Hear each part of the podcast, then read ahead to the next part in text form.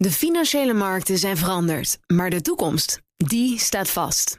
We zijn in transitie naar een klimaatneutrale economie. Dit biedt een van de grootste investeringskansen van onze generatie. Een kans voor u om mee te groeien met de pioniers van morgen. Meer weten? Ga naar carbonequity.com. Carbon Equity. Do good by investing better. Werkverkenners wordt mede mogelijk gemaakt door NCOI, de opleider van Werken Nederland. BNR Nieuwsradio. Werkverkenners. Rens de Jong. In deze BNR Werkverkenners, hoe kijken we nu, 3,5 jaar na het begin van corona, aan tegen de functie van het kantoor? En hoe spelen we daar in de inrichting beter op in? Verder een vacature voor autoliefhebbers. En vandaag wijst iemand een familielid aan als leermeester. Hoor je allemaal zometeen, maar nu eerst het BNR Werkverkenners nieuws. Werkverkenners. Met weer Nelleke van der Heijden. Dag Nelleke. Dag Rens. Um, we beginnen met onheilspellend nieuws. Namelijk de dubbele vergrijzing. Ja. Vertel. Daar heeft het UWV het over. We hebben nu al een vrij krappe arbeidsmarkt, hmm. maar de tekorten worden groter en structureler. Zeker vanaf 2025, zegt de uitkeringsinstantie. En dat komt dus door die dubbele vergrijzing. Maar wat is dat dan? Nou, door de vergrijzing gaan er meer mensen met pensioen dan er nieuw bijkomen op de arbeidsmarkt. Hm. En vervolgens, als we eenmaal met pensioen zijn, blijven we ook maar leven en worden we ouder en ouder. En hebben we meer zorg nodig. En de mensen die ons die zorg moeten bieden, ja, die zijn er dan ah, gewoon Dus we stoppen met werken, maar zorgen wel voor vraag naar personeel. En dat, dat is er ook niet. Dus ja. Dat is de dubbele vergrijzing. En we zorgen door, voor vraag naar personeel doordat we niet meer werken. En doordat we meer zorgen. Ja, ja. Uitzichtloos verhaal klinkt ja, het nou, wel een beetje, maar het UWV noemt gelukkig ook oplossingen. Hele grote, verrassende oplossingen zijn het niet. Mhm. Want we moeten langer doorwerken. Ja. We moeten digitaliseren. En we moeten flexibeler werken zodat mantelzorgers die zorg met werk kunnen combineren. En we hebben arbeidsmigranten nodig. Maar dat is interessant. Want, want als we naar de politiek kijken, daar volgens mij zijn er maar weinig partijen die zeggen: laten we eens even een blik arbeidsmigranten opentrekken. Precies, er worden steeds meer blikken dichtgestopt. Ja. Ligt heel gevoelig inderdaad. En alle partijen die eh, profileren zich nu juist in deze verkiezingstijd eh, als anti-arbeidsmigratiepartij.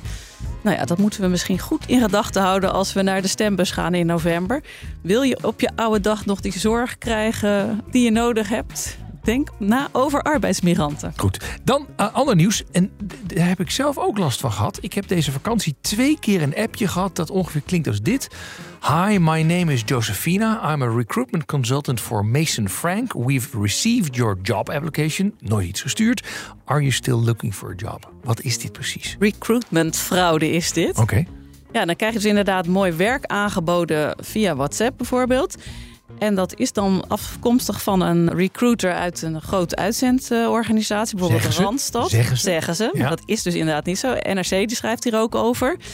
Nou, je kan dan bijvoorbeeld werken voor een uur. Ik weet niet hoe ver jij gekomen nee, bent. Nee, ik, ik, ben tegenblokkeerd. Dat had ik niet moeten doen, denk ik. Nee, nou, nou weet je niet. Gezien, ja. nou, je hoeft soms maar een half uur per dag te werken. En dan krijg je toch per week een heel leuk uh, salaris overgemaakt. Oké. Je hoeft ook niks te kunnen. Je hebt geen opleiding nodig.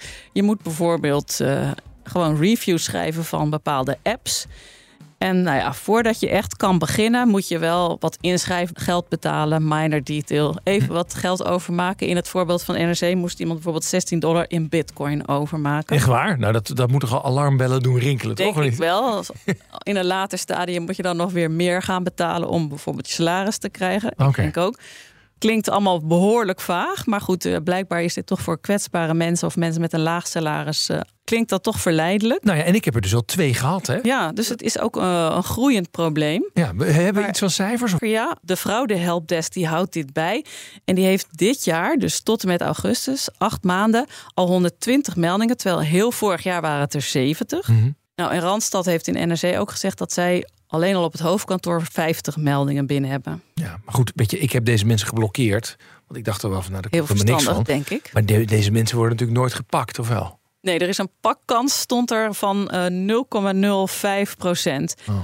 Dus ja, het heeft ook niet zo heel veel zin om aangifte te doen. De politie kan er heel weinig mee. Dat gaat om veel grotere aantallen vanuit eenzelfde nummer. Bijvoorbeeld dat je echt iemand kan pakken. Maar Ja, Randstad had ook een manier om nummers te blokkeren, maar vervolgens nemen ze gewoon een ander nummer en Ja, dan dan gaan ze gewoon, gaan ze gewoon verder. Kortom, gewoon opletten als mensen dit soort appjes sturen. Ja, en als het te mooi klinkt om waar te zijn, dan is het dat waarschijnlijk ook. Zo.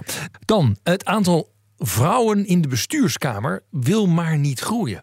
Nee, de Female Board Index is vorige week weer uitgekomen. En daaruit blijkt dat we echt moeten spreken van stilstand. Mhm. Net als vorig jaar is 15% vrouw in de raden van bestuur. Nou, Mijntje Lukerat Rovers die stelt deze index op. Zij is hoogleraar Corporate Governance. Zullen we haar even bellen en kan zij misschien uitleggen waarom het maar niet wil lukken? Ja, laten we dat gaan doen. Mijntje, ben je daar? Ja, daar ben ik. 15% eh, van de bestuurders is maar vrouw.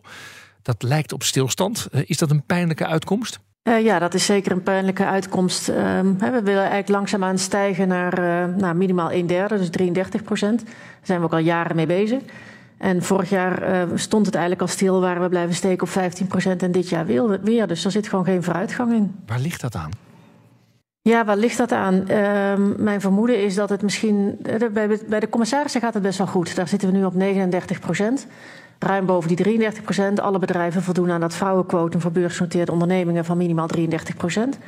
En ik heb het idee dat, nou, dat daardoor misschien de aandacht voor de bestuurders een beetje verslapt is. Dus dat alle aandacht naar de commissarissen is gegaan.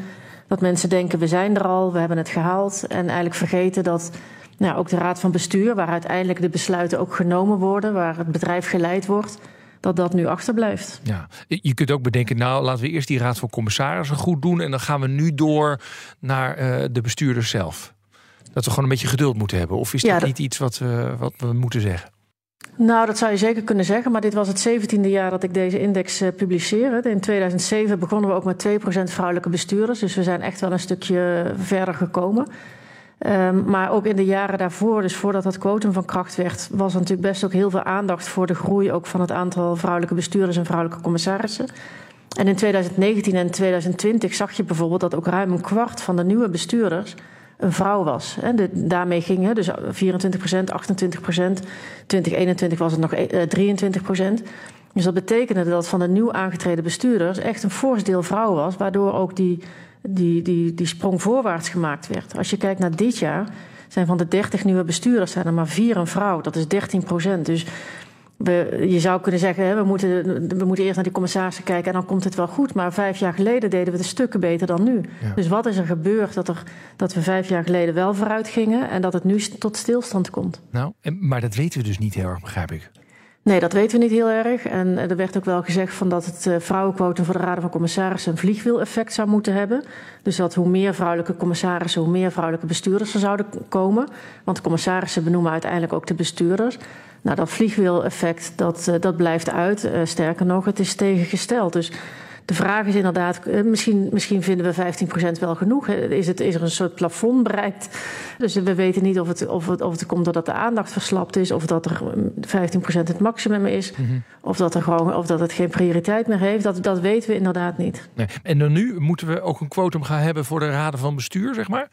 Nou, wat mij betreft, ik ben eigenlijk zelf nooit voor een quotum geweest. Omdat ik uit principe vind dat de overheid niet zou moeten gaan over benoemingen in het private domein. Dus dat is meer een principe kwestie.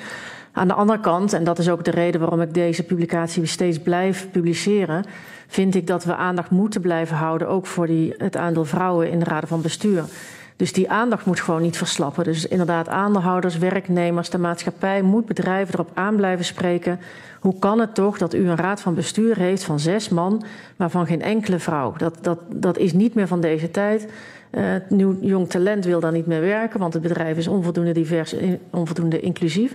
Dus we moeten die bedrijven erop aan blijven spreken. En dan krijg je ongetwijfeld wel weer, weer die, die voldoende aandacht. Dat bedrijven zich er toch voor gaan generen dat ze inderdaad eh, alleen maar mannen hebben in de top. En dan komt dat wel weer los. Gaan we dat al in 2024 zien, denk je? Ik hoop het. En ik hoop dus inderdaad ook dat ook deze studie weer gewoon die aandacht daarvoor vestigt. Dat bedrijven echt achter hun oren krabbelen hebben van hè, hoe kan het toch dat wij elk jaar een excuus hebben dat het ons dit jaar niet gelukt is. Terwijl er ook hè, ruim 20 bedrijven zijn, beursgenoteerde bedrijven, die zowel 33% vrouwen in de raad van commissarissen hebben als 33% in de raad van bestuur. Dus er zijn genoeg bedrijven die het wel lukt.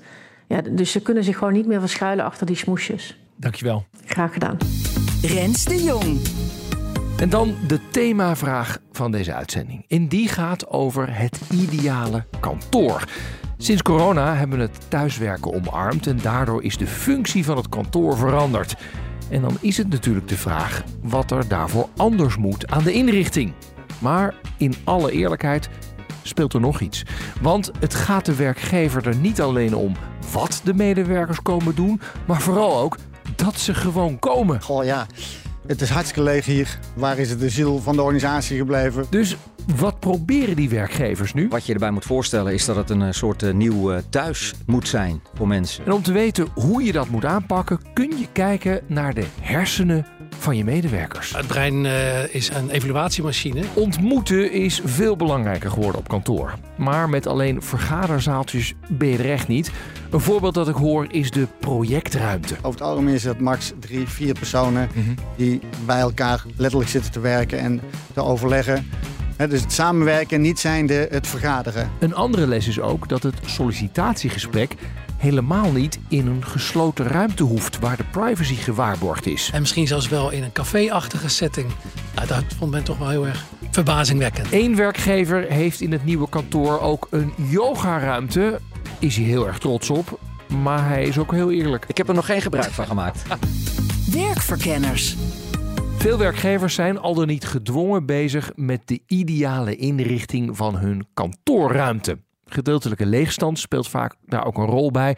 Maar er zijn meer overwegingen, merkt mijn eerste gast. Ik ben uh, Willem Adriaanse, ik ben uh, partner bij Hevo. En Hevo is een adviesbureau in huisvesting en uh, projectmanagement voor het maken van gebouwen. Waaronder kantoren, gemeentehuizen, dat soort opgaves. En wat voor een vragen krijg je nu van klanten? Ja, wij krijgen eigenlijk heel veel vragen van alle vormen van organisaties die zeggen van... goh ja, we zien de collega's veel te weinig. Goh, wat kunnen we daaraan doen? Hoe krijgen we mensen weer terug naar kantoor? Moeten we meer regels gaan stellen? Moeten we dwingender worden? Hè? Je verplichten om weer naar kantoor te komen? Dat soort vragen krijgen wij uh, doorlopend. Ja, en, en jullie antwoord is ja, doe maar regels. Of zeg je nee, maak het kantoor maar interessanter, aantrekkelijker? Ja, het is een beetje de vraag natuurlijk altijd. Hè? Verleiden of afdwingen. Ik denk dat in Nederland afdwingen over het algemeen niet heel goed werkt. Ja daar houden we gewoon simpelweg niet, uh, niet van. Dus ik zou in eerste instantie beginnen met... Uh, wat is eigenlijk de reden waarom je geen zin hebt om naar kantoor te komen? En wat kunnen we daar samen aan doen? Ja. Zijn er inderdaad nu uh, momenten dat uh, de board van een bedrijf of een organisatie gaat nadenken? Ja, altijd zijn er natuurlijk bepaalde natuurlijke momenten. Veel organisaties, uh, over een jaar loopt het huurcontract bijvoorbeeld weer af. En dan zegt iemand van, hm, is dit eigenlijk nog wel de goede plek? We zitten veel te ruim. Maar wat gaan we doen? Gaan we verlengen, inkrimpen? Gaan we ergens anders naartoe? Dus dat is eigenlijk een beetje een natuurlijk moment. Mm -hmm. Maar we zien er ook wel andere redenen van organisaties die zeggen van... Um, goh, we hebben moeite om mensen aan te trekken. Goh, de automarkt is graag, dat klopt. Hè? Maar misschien dat uh, bij de concurrenten, zeg maar, die het nog wel lukt. Wat is er aan de hand? En uh, dan ook aspecten zoals de werkomgeving, fysiek, maar ook niet fysiek, zeg maar, die daarbij gaan betrekken. En het gevoel hebben van, we hebben best een vergrijsde uh, medewerkersbestand. En uh, er komen jonge mensen hier binnen, net van de universiteit of van de opleiding. En die komen daar en denken van, hmm, dat is een beetje een suffe bedoeling. Ja. Wil ik hier wel komen ja. werken? Nou, toch maar niet. Ja, ja. En dan gaat ook die huisvesting natuurlijk om een andere reden een rol spelen. En een andere driver om dat te gaan veranderen. En even voor mij, is er sinds corona echt wat veranderd? Ja en nee, denk ik. Ja, er is echt iets veranderd omdat heel veel mensen en organisaties, als ze dat nog niet door hadden, erachter zijn gekomen dat werken niet alleen op kantoor is. Werken kan ook prima thuis en op andere plekken. Dus ja, er zegt fundamenteel wat veranderd. Het automatisme is er vanaf, zou je mm -hmm. kunnen zeggen. En aan de andere kant is het natuurlijk wel van... Ja, we zagen dat het geweldig lekker leeg was op de wegen. En ja, dat is weer voorbij, want natuurlijk we staan we hartstikke in de file. Ja. Dus, dus je zou kunnen zeggen van uh, nee, het is niet voldoende veranderd zelfs uh, uh, vanuit dat oogpunt. Maar ja, er zijn denk ik weinig organisaties in Nederland te vinden die op vrijdag nog een goed gevuld kantoor hebben. Ja. Dat was van tevoren natuurlijk ook al wel een beetje in gang gezet, de woensdagmiddagen en dergelijke. Maar het is wel veel erger geworden. Ja, want ik hoor echt wel eigenaren van bedrijven zeggen van... Als je kijkt naar de kantoorbezetting en wat er aan de hand is, er is echt wel wat veranderd. Kun Ja, jij eens wat zeker. voorbeelden geven van quotes die jij krijgt van mensen die verantwoordelijk zijn voor zo'n kantoor? Nou, de, de opmerking van je kunt hier een kanon afschieten. Waar is iedereen gebleven? Sterker nog, ik heb zelf een event ook georganiseerd met de titel van... eh goh, waar zijn mijn collega's eigenlijk eh, gebleven? Want eh, naar kantoor komen ze niet meer. En toch ook wel, uh, ja, het financiële vraagstuk speelt natuurlijk altijd wel bij, bij organisaties. Dus je komt erachter van, uh, we, we, betalen relatief veel voor uh, huisvesting. Maar ja, wat levert het eigenlijk op als het leeg staat? Een beetje zonde. Dat is een beetje zonde. En het is ook nog eens een keer natuurlijk ja, absoluut niet duurzaam. Dus die vragen die komen ook regelmatig. En dan wordt er nagedacht over hoe we dat nou anders moeten gaan doen. Is dit inderdaad dan ook een kans om het allemaal om te gaan gooien? Zie je dat ook gebeuren? Ja, het is absoluut een, eh, een kans. Overal waar op een serieuze manier naar dit vraagstuk wordt gekeken, zien we dat dat echt een hoop op kan leveren in, eh, in, in betrokkenheid en binding van mensen met de organisatie. ja, is dat zo? Ja, is wat, wat dat is natuurlijk de vraag als we de trend hebben, werk hoeft niet meer op kantoor gedaan ja. te worden. Ja. Waarom zou dan het kantoor toch nog een bindingsmiddel zijn? Veel mensen hebben, ik denk bijna iedereen heeft de behoefte om ergens bij te horen. Mhm. En uh, dat bijhoren, dat werkt uiteindelijk. Mensen zijn gewoon sociaal wezens. Natuurlijk, we, een belangrijke reden om naar kantoor te komen is namelijk gewoon het contact met de collega's. Ja. Die hebben we gemist. Dus ja, daarvoor komen we graag naar kantoor. Echt, maar waarom moeten we dan die kantoren helemaal gaan aanpassen? Dat, Nou- dat, dat, dat- er zitten collega's in, dus ja. Ja, dat klopt. Nou ja, er zitten dus nu te weinig collega's in. Dus je moet het aantrekkelijk maken om te komen. Nou, een hoop dingen heb je natuurlijk niet in de hand. Dus de files heb je niet in de hand. Maar het moet in ieder geval de moeite waard zijn om de reis te maken. Ja. En Het dus is- niet alleen een bureau en eh, slechte Nee. koffie. Nou, dat sowieso niet. Het is inderdaad, het zit ook gewoon in heel simpele dingen van eh, goede koffie en een goede lunch aanbieden. En ik zeg eigenlijk op dit moment van maak het ook niet te groot. Zorg dat je, ga liever iets programmeren op de pieken. Dat eh, het op eh, bepaalde dagen de benen buiten is, maar dat je echt reuring hebt. Zodanig dat op de, de dagen dat het rustiger is, want die zijn er natuurlijk, dat, je, dat doe je ook niks aan. Maar dat het dan nog steeds gewoon een, een prettig kantoor is om te verblijven. Mijn volgende gast had een nieuw kantoor nodig en haalde informatie over de ideale inrichting uit de hersenactiviteit van de medewerkers. Mijn naam is Rob Steur, ben eh, business director bij eh, Robert Wolters in Amsterdam. En wat doen jullie bij Robert Walters? Een recruitmentorganisatie voor vaste en tijdelijke bemiddelingen eh, personeel op een aantal functionele gebieden. Ja, hoeveel mensen zitten er op kantoor? Totaal in Nederland een kleine 200, waarvan ik denk een 100, 120 in Amsterdam. Oké. Jullie hebben het eerste kantoor gebaseerd op neurowetenschap. Ja. Nou, nou, wat moeten Ja. we daarbij voorstellen? Mooi hè? Ja. Ja, toen het idee ontstond, eh, wisten wij nog niet dat het het eerste ter wereld zou worden. Maar wat je erbij moet voorstellen, thuis werken, het hybride werken, wat zo eh, enorm, eh, vooral na corona, maar voor die tijd ook al in opkomst was. En alleen maar nog meer is geworden, heeft ook een aantal nadelen. Zoals bijvoorbeeld, zo heeft onderzoek uitgewezen, dat je van thuiswerken ook sneller vermoeid kunt raken. Mhm. Eh, je bent helemaal alleen. Je mist de binding met het bedrijf. Eh, jongere mensen binnen een organisatie die, die ja, de leercurve zien afvlakken. Omdat je hè, van eh, oudere, meer ervaren collega's heel veel kunt leren. Dus we hebben getracht een kantoor te creëren waarbij dat, dat hybride thuiswerken, dat gevoel, hè, het positieve gevoel wat je er ook uit kunt halen, dat dat nu op kantoor kan. Klinkt mooi, maar ik weet nog niet precies wat je bedoelt. Mooie volzin. Ja. Hybride werken betekent voor ons zoveel als niet vastzitten aan één kantoorplek. Mm. En dan niet alleen maar van bureau X naar bureau Y, maar echt de omgeving waarbinnen je dat doet. Dus we hebben een kantoor gecreëerd waar, eh, waarbinnen diverse verschillende eh, omgevingen zijn gecreëerd. Zones die we zo noemen. Een actievere zone waar je kunt gaan bellen en deals eh, kan gaan proberen te maken. Een bufferzone hè, waar je als je lekker actief bent geweest naartoe kunt gaan om even te unwinden en de batterij weer op te laden. En dan naar de focuszone waarbij je de zojuist verkregen deal eh, in contractvorm kunt uitwerken. Oh ja. Het typen achter de computer. Nou, doe je dat normaal binnen kantoor op één eh, bureau, dan doe je al die verschillende activiteiten steeds in dezelfde houding. En dat hebben we nu gecreëerd, dat het Mhm. Ja. steeds anders kan zijn. En, en is dat nou echt heel nieuw? Want dit klinkt een beetje als een flexkantoor. Ja. En ga zitten op de plek waar je het op dat moment het meest nodig hebt. Ja. Nou, dat is hetzelfde, dus dat is niet nieuw. Maar wat wel nieuw is, is dat we zijn in contact gebracht met Neurensics, met fMRI-scans, om mensen niet op basis van bewuste antwoorden, of misschien wel sociaal wenselijke antwoorden op allerlei prachtige enquêtes, eh, eh, te vertellen wat ze heel graag zouden willen, wat ze mooi zouden vinden, of wat ze zoeken in een werkomgeving.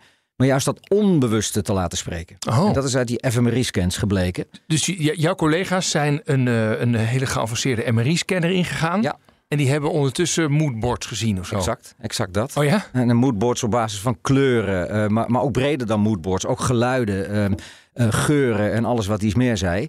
En, en, en, en wat associeer je daarmee? Nou, dan zie je eh, bijvoorbeeld een hele aparte uitkomst voor ons was... Uh, wij zitten in de, in de werving- en selectiebusiness, dus je interviewt veel mensen. Ja. Dat doe je in kleine, compacte, afgesloten ruimtes. Dat is vertrouwelijk. Dat blijkt een aanname te zijn en een onjuiste aanname. Oh. Want dat creëert bij degene die geïnterviewd wordt blijkbaar angst. Oh ja, een soort politiecel. Bijvoorbeeld. Ja. Dus creëer nu gewoon een hele vrolijke, mooie, open ruimte. Waarbinnen je zo'n interview kunt afnemen. Ja. Uh, en dan zijn mensen meer op hun gemak en uh, uh, zijn ze beter in staat om de vragen goed te beantwoorden. Maar bijvoorbeeld. dat je bijna geïnterviewd wordt in een soort koffiecompany-achtige omgeving, ja, zoiets. Een, een luxe hotellobby, een Ja, ja. lounge. En, Oh, ja. ja, dat noemen wij ons Grand Café. Ja. En dat gebeurt daar dus ook. Een beetje jazzy muziek op de achtergrond. Uh, op een hele ontspannen, mooie manier, maar dan wel heel uh, zakelijk en diepgaand uh, zo'n interview afnemen. Dat, dat werpt echt zijn vrucht af. Waarom heb je gekozen voor deze aanpak? Ja. Hadden jullie een nieuw kantoor nodig? Dacht je, we moeten toch iets anders? Nou, letterlijk, ja. Een nieuw kantoor nodig, dat was één. maar twee was dan ook nadenken over de, ja, het nieuwe werken. Je, je hebt het net over flexkantoor, et cetera. Elke organisatie is er wel op een manier mee bezig. Mhm. Dus we hebben ook heel goed nagedacht over wat betekent dat dan voor ons en wat moeten we ermee. Uh, hybride werken, ja, wat is dat dan? En wat, wat willen mensen daar mee en daarvan? Um, uh, maar de nadelen van hybride werk, het missen van de binding of het afvlakken van die, van die leercurve van jongere mensen. Hoe kun je dat combineren? Daar zijn we met een drietal projectinrichters uh, over in gesprek gegaan. Van Ja. dit is wat wij willen, wat zijn jullie voorstellen? Uh, en bureau Hogewerf uh, heeft uh, bedacht van nou, we kunnen dat neurowetenschappelijk laten onderzoeken. Ik Ja. heb daar wel een contact voor. Ja. En dat zijn we toen gaan doen. En daar is dit uitgekomen. Dus het was heel eerlijk zeggend niet ons eerste origineel idee.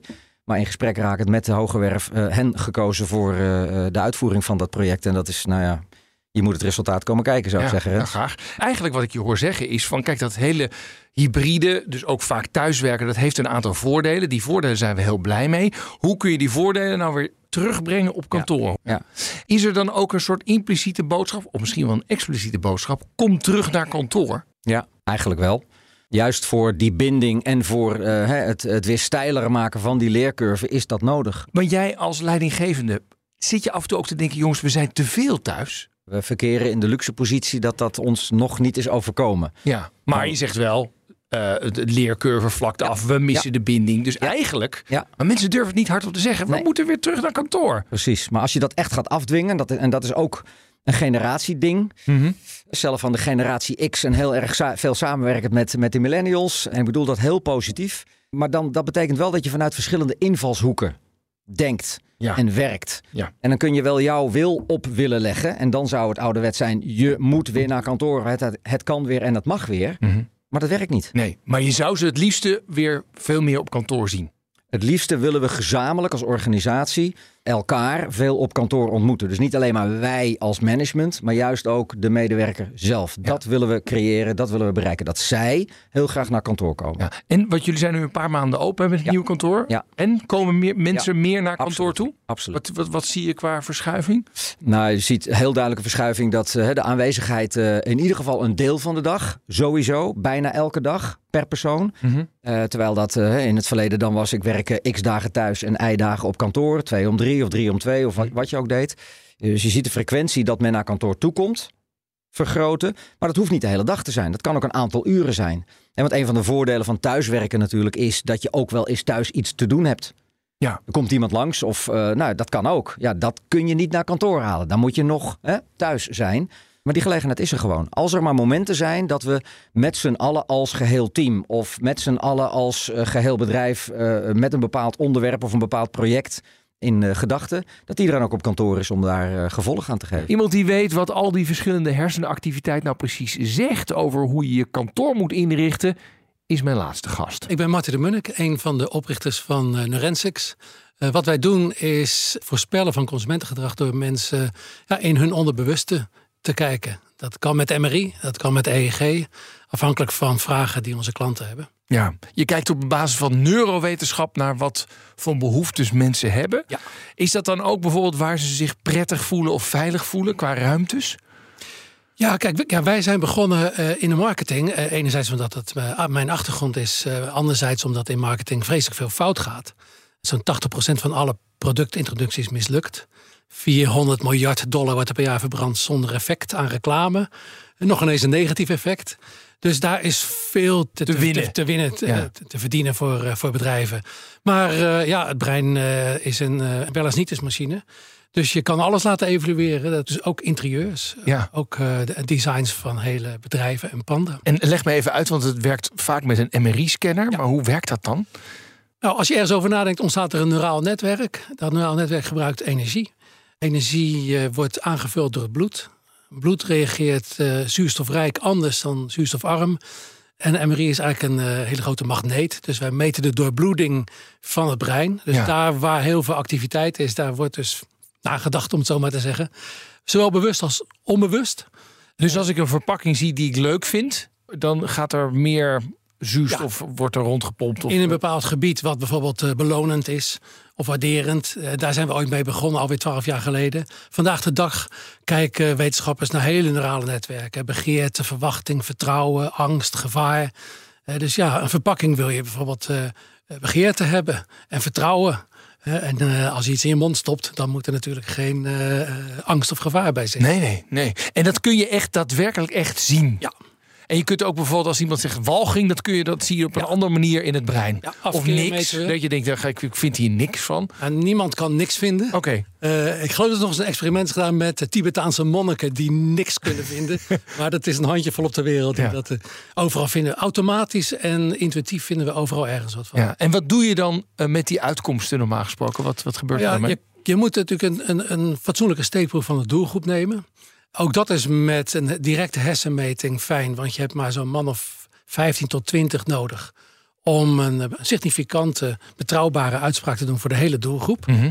De interpretatie is dan eh zaak. hè. Dus eh, die analyse, dat is computerwerk, dat doen de wetenschappers. Maar de interpretatie is nog steeds, ja, dat is samen met je klant, met de opdrachtgever, met de adverteerder of het reclamebureau, naar die hersendata kijken. Wat zien we nu? Wat is hier gebeurd op een bepaald moment? Je kan zelfs tot op een seconde nauwkeurig kijken welke emoties worden geactiveerd. Ja, en geef eens een voorbeeld, wa- want het lijkt me nog best wel lastig. Ja, dan moet je al die data gaan interpreteren. Daar, daar zit natuurlijk ook een enorme foutmarge in, dat je die data weer verkeerd Nou, interpreteert. dat niet, want dat is eigenlijk allemaal al weten. Kijk, wij vinden dat niet uit. Hè. Wij eh, zijn gelieerd aan de Universiteit van Amsterdam.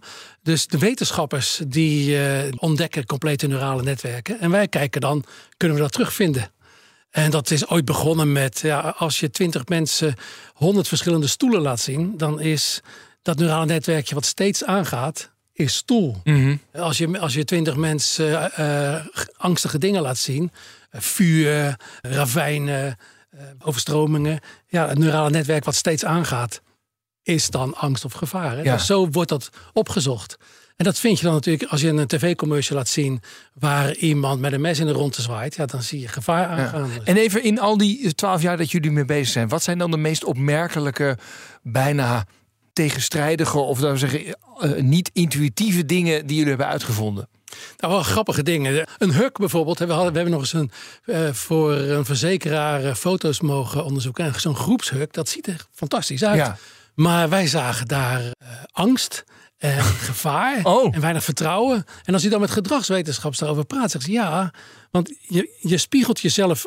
En ineens denk je van, hé, hey, waar, waar gaat dat over? Waarom hoor ik daar niet bij? Waarom ben ik niet uitgenodigd? En dat soort van gevoelens ontstaan dan. Oh ja. Eh, ook mensen die eh, zagen in tv-commercials waar een soort van. Dat heet een conceptual closure. Waar mensen bijvoorbeeld omdraaien en weglopen. Dat is voor het brein een teken van. Nou, er gaat niks meer gebeuren. En dan zie je ook de aandacht eh, verdwijnen. En dat kan soms seconden duren. Ja. Dat zie je ook wel vaak met, met commercials die een beetje een, een humor hebben aan het eind. Dan heb je zoiets van. eh, nou, de, de, de mop is, de clue is duidelijk. En dan is het brein weg. Maar vaak is dan die laatste drie seconden pas het logo in beeld. Oh ja, dan is, dus het brein al uitgeschakeld. Exact. Dus dat is het fenomeen wat iedereen wel kent. Zeg je, oh, heb je die commercial gezien? Ja, die was leuk. Hè? Waarvan wie was hij ook alweer? Hey, en moet je van tevoren ook weten, als je dit gaat onderzoeken, wat het doel is? Of zeg je nee, we meten gewoon wat er in de hersenen zit en daarna gaan we wel kijken van eh, Nou, wat, wat de nee. klant ermee wilde? Je moet wel een. eh, je- moet natuurlijk een. eh, we krijgen een briefing van een klant. Gaat het om het merk? Gaat het om sales? Gaat het om loyalty? Dat zijn even de, de, de makkelijke dingen. Maar tegenwoordig is dat al zover dat wij kunnen eh, merkassociaties ook terugvinden in het brein. Mhm. Eh, en dan kunnen we kijken, wo- wordt dat aangezet? En bij Smint bijvoorbeeld, ja, die willen uh, natuurlijk fris gevoel, maar ook zelfvertrouwen. En dus leidt zo'n commercial, zowel on- of offline, leidt dat tot zelfvertrouwen. Oh ja. Maar dat moet natuurlijk hem wel weten, waar moeten we naar kijken? Ja, ja, en dan moet je het neurale netwerk van zelfvertrouwen moet je wel hebben onderzocht ooit. Ja. Dat weet je dan echt. Of dat gaan onder, doen voor een betreffende klant. Ja, ja. Dat je eerst even zelfvertrouwen, het neurale netwerk in kaart brengt en daarna gaat kijken, Ja. ligt dat ook bij deze commercial op? Ja. Voor Robert Walters hebben jullie onderzoek gedaan hoe je een kantoor ideaal inricht. Kun je me vertellen hoe jullie dat hebben aangepakt? Ja, dat was een fantastische vraag. Uh, wij kregen overigens de vraag van uh, Hogewerf, dat is het designbureau. Ja. Die kregen de vraag van hoe moet een kantoor er vandaag de dag uitzien? En die fantastische vraag Ja. voor ons, maar ook voor onze wetenschappers. Kan dat? Ja, nou en dan moet je dus een, een design gaan ontwikkelen. Eerst moet je ja, een briefing krijgen. Hoe denken zij dat het kantoor eruit moet zien? En dan vervolgens kunnen wij kijken, ziet dat kantoor er zo uit? Ja. Maar dat weet eigenlijk niet iemand. Hoe moet dat kantoor eruit zien? Dus wat we toen hebben gedaan uh, is een, daar zijn onze mannen dol op, een 3 keer 3 design. Je maakte drie verschillende designrichtingen. Dus één was uh, uh, competitief, je moet gewerkt worden. De andere was huiselijk. Uh, en de derde was technocratisch. En daarbinnen gaan we dan drie verschillende technocratische designs hebben. Want anders weet je niet precies of het op plaatje wordt beoordeeld of de mm -hmm. stijl. Uh, en, en dus ook drie verschillende huiselijke sferen en drie verschillende. Ja, en dan test je dat met elkaar. Om te kijken wat die toekomstige en huidige werknemers het prettigst vinden. Straks hoor je hoe je al die behoeften van werkgevers en werknemers nu vertaalt naar het ideale kantoor. Maar eerst werk, waar je het liefste wel een beetje autogek voor moet zijn. De vacature. Iedere week speuren het web af op zoek naar interessante en opvallende vacatures. En deze keer vonden we een vacature voor een autoliefhebber. Je kunt namelijk specialist inkoop auto's worden bij leasemaatschappij Arval. Maar je krijgt er zelf uh, geen auto van de zaak bij. Nou, dat is een beetje raar natuurlijk. Maar goed, uh, gaan we eens even uh, vragen hoe dat zit. Ilona Aftink is de HR-directeur bij Arval. En die konden we nu even bellen. Met Ilona. Dag Ilona, Rens de Jong, BNR. Dag. Hallo. Hi. Hi. Um, een specialist inkoop auto's, wat doe je dan? Nou ja, allereerst is het belangrijk dat je alles weet over de nieuw, nieuwste auto's uh, uh, ja, die er zijn. En uh, ja, is het belangrijk dat jij deze informatie deelt met dus de collega's, klanten en bereiders. Je kunt adviseren over, over deze auto's. En dus ook alle inhoudelijke vragen kun jij beantwoorden over de autosamenstellingen. Oh, die natuurlijk heel divers zijn. En alle accessoires die mogelijk zijn. Met een behoorlijk enthousiasme. Dan moet je wel een beetje autogek zijn, toch? Het is, het is niet dat je zegt, nou kom op het fiets naar het werk. nou, dat is een, een goede. Een, een autogek, dat is natuurlijk wel echt heel erg leuk. Want wat we vragen is dat, uh, dat jij dus kennis hebt van, uh, van de auto's. Dus dat is uh, in ieder geval een, een, een, een mooie pre. maar het is niet per se noodzakelijk dat er nu benzine door je aderen stroomt, zoals we het hier zeggen. Ja, ja. Want even één ding. Ik zag niet in de arbeidsvoorwaarden staan, je krijgt een auto van de zaak erbij. Toen ik denk, ja, als je zo dicht bij het vuur zit, moet dat er natuurlijk wel bij. Zeker, dat zou, dat zou inderdaad mooi zijn. Maar we zijn meer dan alleen een autoleasemaatschappij. Wij zijn uh, echt een moderne mobiliteitsaanbieder. Zo profileren wij ons ook. Dus dat betekent dat er niet altijd een auto bij, uh, bij het arbeidsvoorwaardenpakket zit. Oh ja. Maar dat je ook kan kiezen voor een fiets, een e-bike, het delen van een auto. Maar natuurlijk ook gebruik kan maken van het, van het openbaar vervoer. Ja, ja, oké. Okay. even voor mij, de vacature staat al een tijdje uit. Hè? Je hebt hem zelfs volgens mij opnieuw onder de aandacht gebracht. Waarom is het zo moeilijk om iemand te vinden? Ja, het is uh, voor ons, maar ik denk ook voor heel veel andere uh, bedrijven op dit moment echt heel erg moeilijk om uh, goede collega's, talenten te vinden. er is natuurlijk een on talent gaande. wij werken heel erg hard om deze vacatures te kunnen vervullen. Maar dit, ja, dit is een specifiek profiel van iemand die dus ja, nogmaals, kan informeren, adviseren uh, met inkoopervaring. Uh, dat is een, uh, een, een lastig profiel. We vragen om soft skills. Hè. Je bent veel contact, in contact met, met leveranciers en, en andere collega's. dus ja, dat, dat zou het kunnen zijn. Misschien ook de naam Arval. Dat zou natuurlijk ook goed ja, kunnen dat je zijn. Denkt, wat, wat is dat voor? Is dat een energiemaatschappij of zo? Ja, dat zou heel erg goed ja, kunnen. Hè? Dat denk ik wel. Ja, ja. Terwijl Arval de op drie na grootste leasemaatschappij is van Nederland. En waar zitten jullie? Waar, waar, waar, waar, waar vindt dit werk plaats? In Houten. Het Houten. mooie rode gebouw langs de Ach, A12. oh ja. Nou, prachtig. Houten, midden in het land. Zo Eh, is het. de, wie wil dat niet? Ik hoop dat er veel mensen gaan reageren. Dankjewel. Ik hoop het ook. Jo, hoi. Rens de Jong. Nou, voor de echte autoliefhebber dus een mooie baan. En ook nog eens een keertje heel centraal in Houten. Terug naar de kantoren. We hoorden net al van alles over waar we nou bij het nieuwe werken, bewust of onbewust, behoefte aan hebben. Maar hoe maken we dan de vertaling naar dat nieuwe kantoor? Eerst Martin de Munnik van Neurensics. Hij vertelt over het proces om van de data over hersengebieden, die actief worden bij bepaalde beelden, te komen tot advies over een ideaal kantoor. Het gaat in een aantal fasen. De eerste fase is dat je in gesprek gaat met de mensen die daar werken.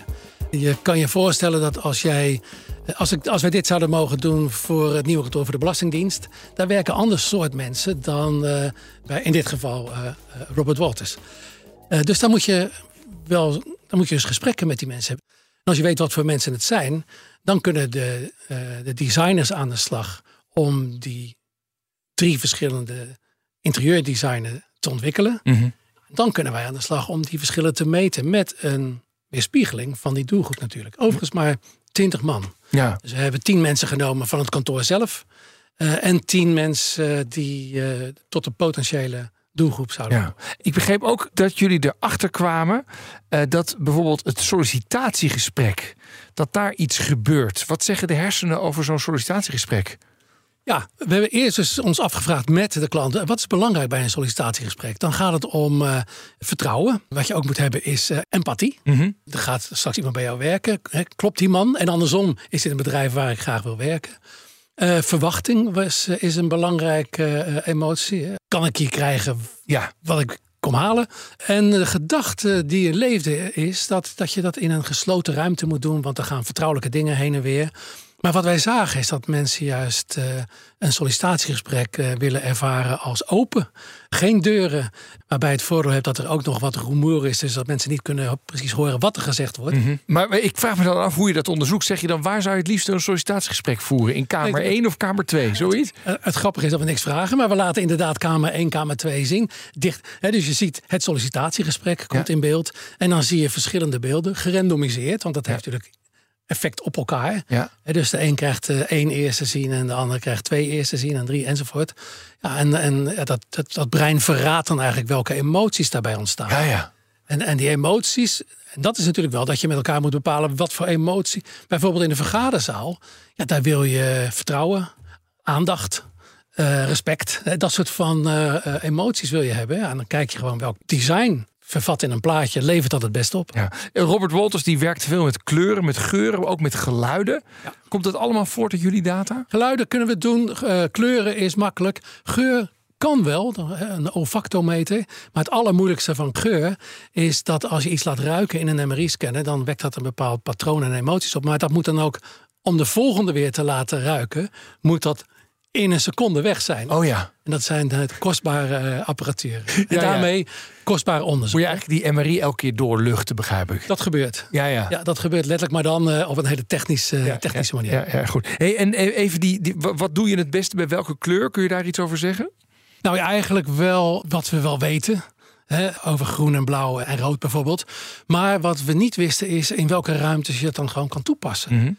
En wat we ook zagen is dat er eh, tussen twee momenten, tussen bijvoorbeeld een online meeting en eh, een volgende vergadering of eh, een, een, moeten verrichten van een prestatie, daar moet wat tijd zitten. Ja. En dat hebben ze prachtig mooi opgelost door in die verschillende ruimtes een groenzone te maken. Waar je echt daadwerkelijk even in het bos loopt voordat je iets anders gaat doen.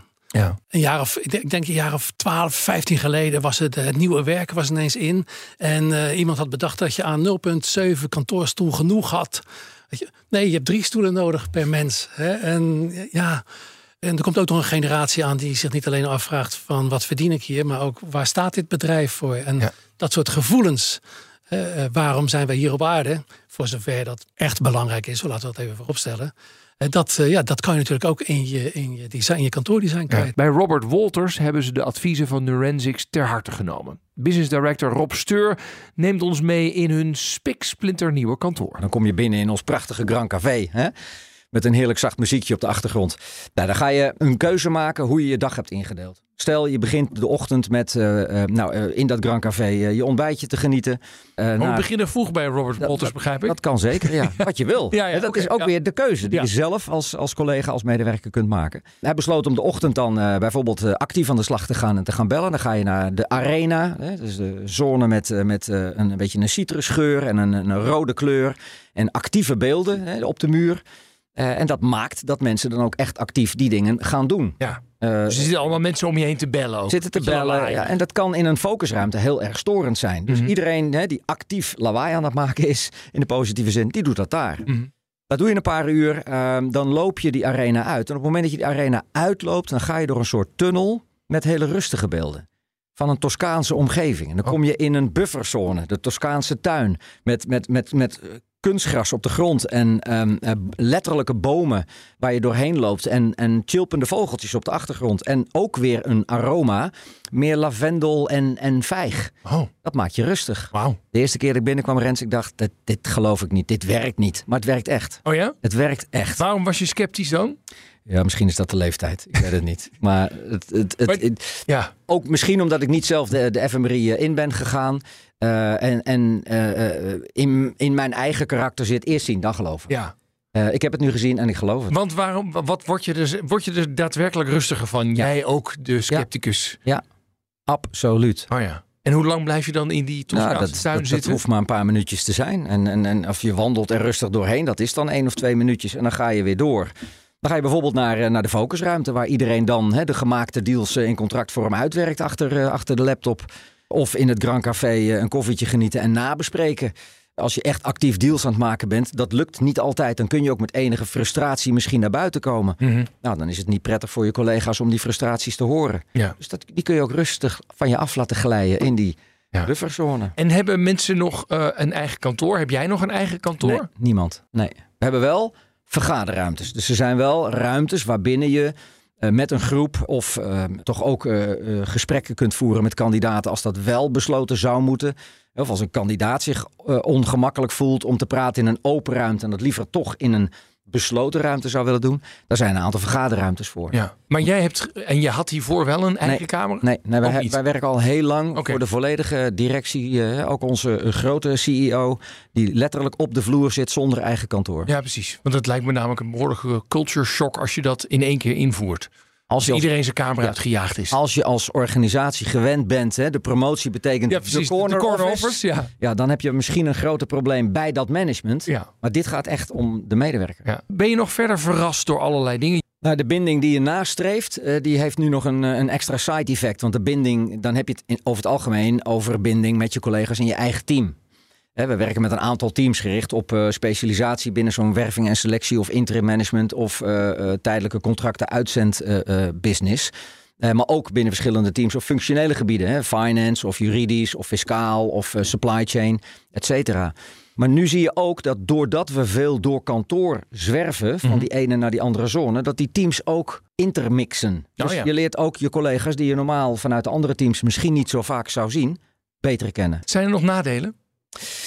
Niet veel. Eén nadeel welke ik zou kunnen benoemen is dat ik binnen mijn eigen kantoor soms een collega moet bellen omdat ik niet weet waar die uithangt. Oh ja. Oh ja, het even langslopen, daar zit hij. Ja, je weet waar iemand zit, normaal gesproken. Nu Oh ja. niet. Dat Ja. kan elke dag anders zijn. Ah ja, daar kan me wel iets bij voorstellen. Voordeel meteen van dat Ja. nadeel, Johan Ja, Cruijff, ja, ja. daar komt hij, is je blijft in beweging.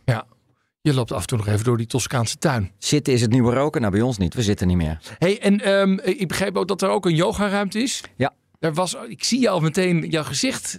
Want daar had je volgens mij ook wel een beetje zo generatie X eh, je bedenkingen bij, toch? Of niet? Weet je wel misschien. Ja. Ja. Vertel hoe die yogaruimte eruit ziet. Een mooie rustige ruimte aan het eind van de Toscaanse tuin. Ja. Met een aantal eh, zitpoeven en zitzakken. Hebben we ook zeegeluiden? Rustige, inderdaad, zeegeluiden. Weer een net iets ander aroma. Eh, en daar eh, wordt één keer in de zoveel tijd of een paar keer per week eh, door iemand eh, echt ook even les gegeven. En dan kun je een kwartier, twintig minuten een yogalesje volgen en, eh, en weer eh, volledig eh eh, reboosted aan de slag gaan. Weet je zeg, Ja. yogalessen op kantoor, dat we Ja. dit allemaal nog meemaken. Ja, mooi hè? Ja. Is, ik, ik plaag je een beetje, maar is dit ook wel een generatieding? Dat een bepaalde generatie sneller zegt, ja, dit is helemaal van mij. En anderen toch een beetje denken, ja, nou ja, god, deze trend, ik, ik ga er lekker in mee, maar hoeft voor mij niet. Hoe lang zal het duren? Ja, ja, precies. ja, ja, nou dat kan. Dat kan. Dat zal de tijd uiteindelijk moeten leren. Eh, ik zou zeggen, laten we dit gesprek over eh, een jaar nog eens eh, voeren. Kijken hoe we dan staan. want we, we monitoren dit natuurlijk wel heel goed. vooraf binnengetreden met een bepaald idee. Wat gaat het ons brengen? We zijn nu twee maanden onderweg. Het lijkt ons nog steeds alles te gaan brengen wat we gehoopt hadden. Maar hoe is het over een jaar? Bij Hevo gaan ze voor een ideale kantoorindeling uit van hun eigen model, Coco, zegt partner Willem Adriaansen. Coco staat voor vier functies. Dat is eigenlijk co-creatie, ja, modern woord voor eh, samenwerking. Dat zien we bij heel veel organisaties als superbelangrijk. Van we willen die samenwerking intern en extern eh, eh, faciliteren en stimuleren. Ontmoeten, hè, de algemene ontmoetingsfunctie. Dat je het gevoel hebt van eh, we, we treffen elkaar hier, het hart van de organisatie, het kloppende hart. Mhm. Dat is het ontmoeten. Concentratie. Heel veel werk is natuurlijk ook werk wat je in je eentje doet. Geconcentreerd een stuk lezen, schrijven, beleidsnota's, eh, noem maar op. Mhm. Waarbij je ook al even wat afzondering nodig hebt. En ehm, de laatste is overleggen. Mhm. We overleggen natuurlijk eh, enorm graag. En daar heb je ook ruimtes voor nodig. Een deel kan daarvan prima ook digitaal. Dat is echt fijn na de corona-pandemie Ja. dat we daar allemaal heel goed kunnen. Want een heleboel overlegjes ja, waarvan je voorheen allerlei reizen moest afleggen. Nou, dat kan lekker digitaal. Maar wij merken toch ook wel dat, eh, zeker in grotere teams...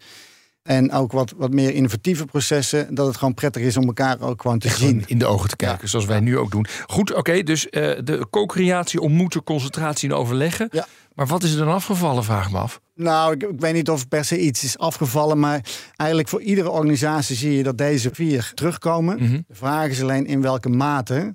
En dat is een beetje afhankelijk natuurlijk van het soort eh, eh, organisatie en, en activiteiten. Oké, dus je zegt, wij hebben die vier punten hebben we gezegd. Dat moet een modern kantoor hebben. Hoe wordt een kantoor nog geschikt voor co-creatie? Nou, laten we ze allemaal even aflopen. Hoe wordt een kantoor geschikt voor co-creatie? En misschien is dat wel de eh, lastigste om te vangen, omdat dat vaak, ja, dat gaat over samenwerken.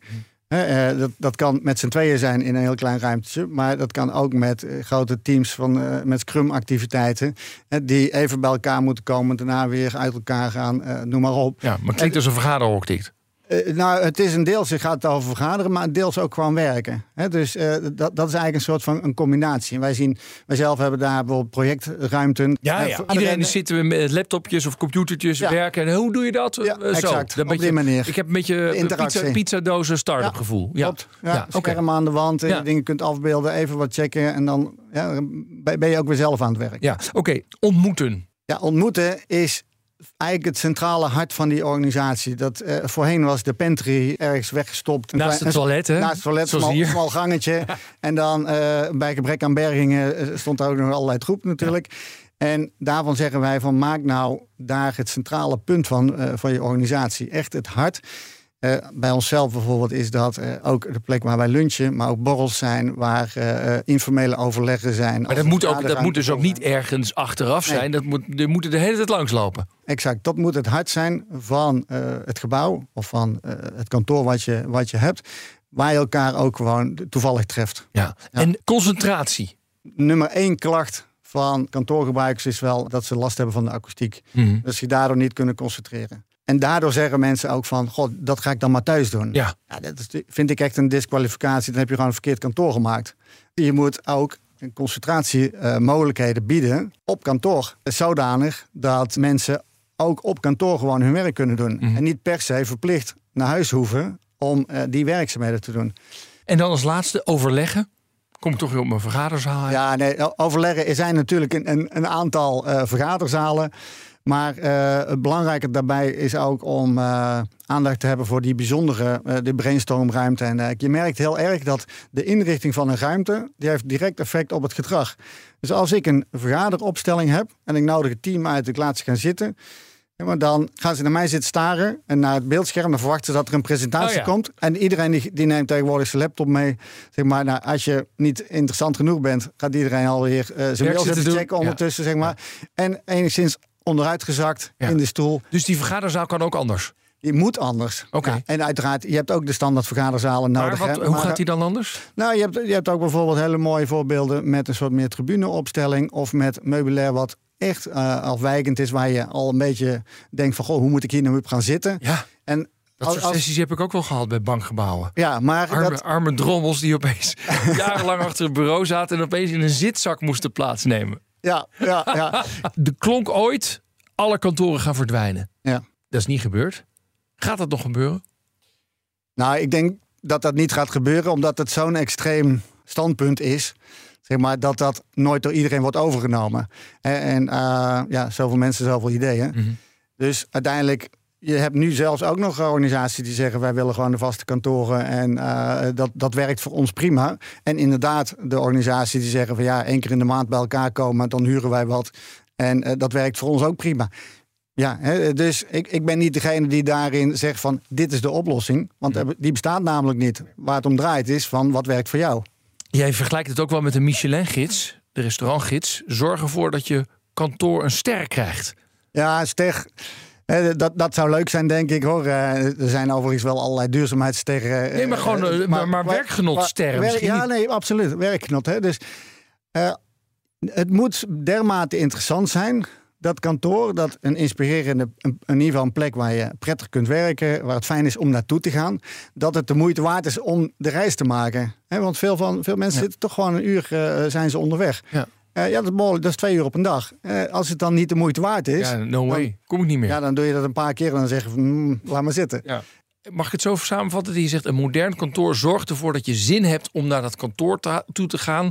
Ondanks dat je niet gedwongen wordt. Je denkt echt zo, hier kan ik eens even lekker heen. Ja, Ja. ja.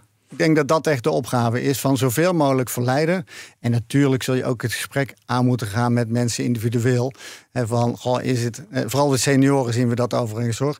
Junioren die komen heel graag naar het kantoor toe. Ja. Die willen echt leren van elkaar. Maar die senior die Senioren zegt, hebben dat niet zo nodig. Ik, ik heb een groot huis, ik zit hier prima. Precies, nou ja, dat, is, dat is echt het. eh, eh, die weten hoe de hazen lopen. Die eh, hebben het voor zichzelf allemaal hartstikke goed geregeld. Thuis inderdaad een fijne werkplek. Ja, waarom zou ik nog naar het kantoor toe gaan? Maar ja, daarin, dat is niet het afdwingen. Maar ik denk wel dat het het serieuze gesprek is wat je met elkaar moet hebben. Van wat is jouw betekenis voor de, de rest van de organisatie?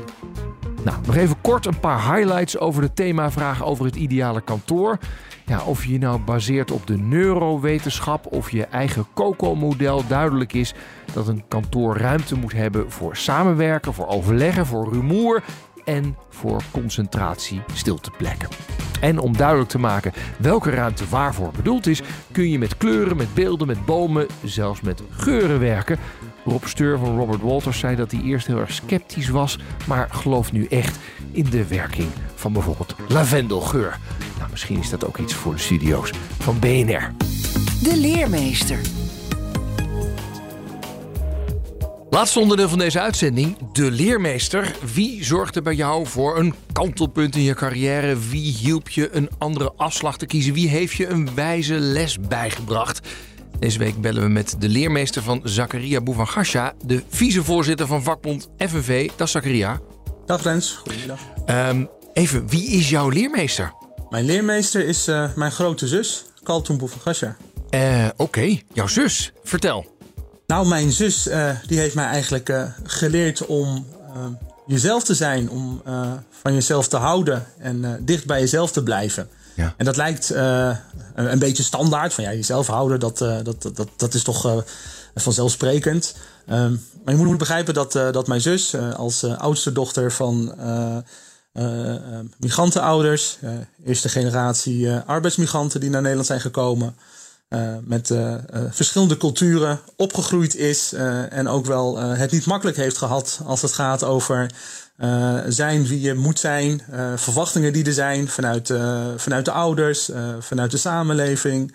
En als ik dan kijk naar mijn zus, hoe ze toch zich daar staan heeft gehouden, eh, eh, altijd dicht bij zichzelf is gebleven, heel strijdbaar is geweest, ja, heb ik daar toch ook wel als jongste van het gezin veel van, van meegekregen. En, en even qua leeftijd, hoe, hoeveel verschillen jullie van elkaar? Ehm, zij is van 1975, Oh ja. ik van 1982, eh, dus er zit al gauw eh, zeven eh, en eh, acht jaar tussen. Nou, laten we eens even gaan bellen. Eens even kijken, we hebben een nummer. Eh, ze weet dat we bellen, maar ze weet niet dat jij aan de andere kant van de lijn hangt. Hè? Dus eh, kijken wat er gebeurt. Met Kaltoen. Met Rens de Jong van BNR Nieuwsradio. Goedemiddag. Hi, goedemiddag. Hi. Uh, ik bel voor, voor de rubriek De Leermeester. Ja. Want jij bent aangewezen.